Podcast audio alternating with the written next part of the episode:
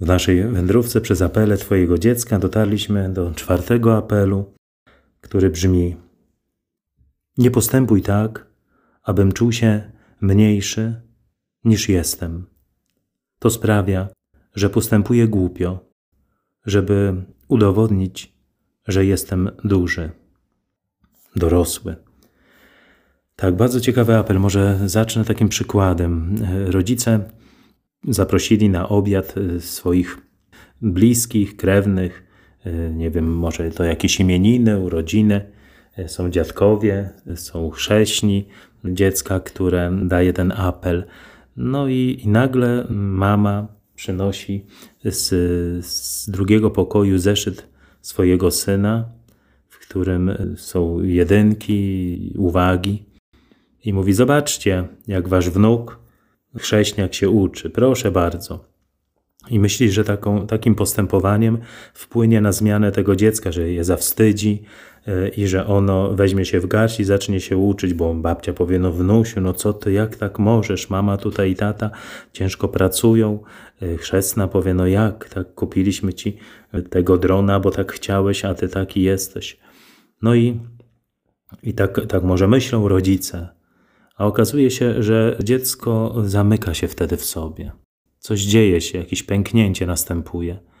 Czasami wychodzi z płaczem do swojego pokoju.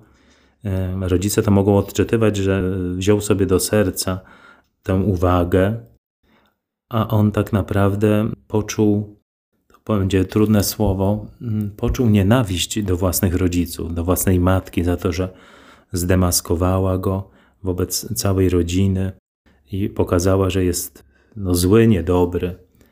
I on y, y, zamiast y, zmiany na lepsze chce teraz udowodnić właśnie rodzicom, że jest zły i niedobry. Jeszcze gorzej zaczyna postępować. I mama mówi: No co to, to diabeł wstąpił w to dziecko? My się tutaj tak staramy. Niedopuszczalna metoda aktywizacji dziecka, czyli zawstydzanie publiczne. Trzeba od takich metod uciekać i Wiem, że mówię o rzeczach oczywistych, ale nie wolno e, tak postępować, bo to przynosi bardzo często odwrotny skutek. Jeżeli oceny są złe, trzeba szukać tej przyczyny, trzeba rozmawiać.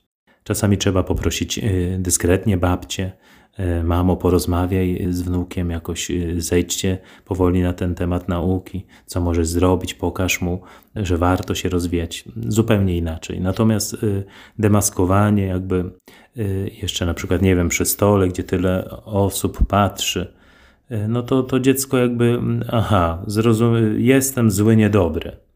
Dzisiaj mi to udowodniono, no i jeżeli taki jestem, to, to ja wam jeszcze pokażę, że mogę być jeszcze gorszy. I tak czasami bywa.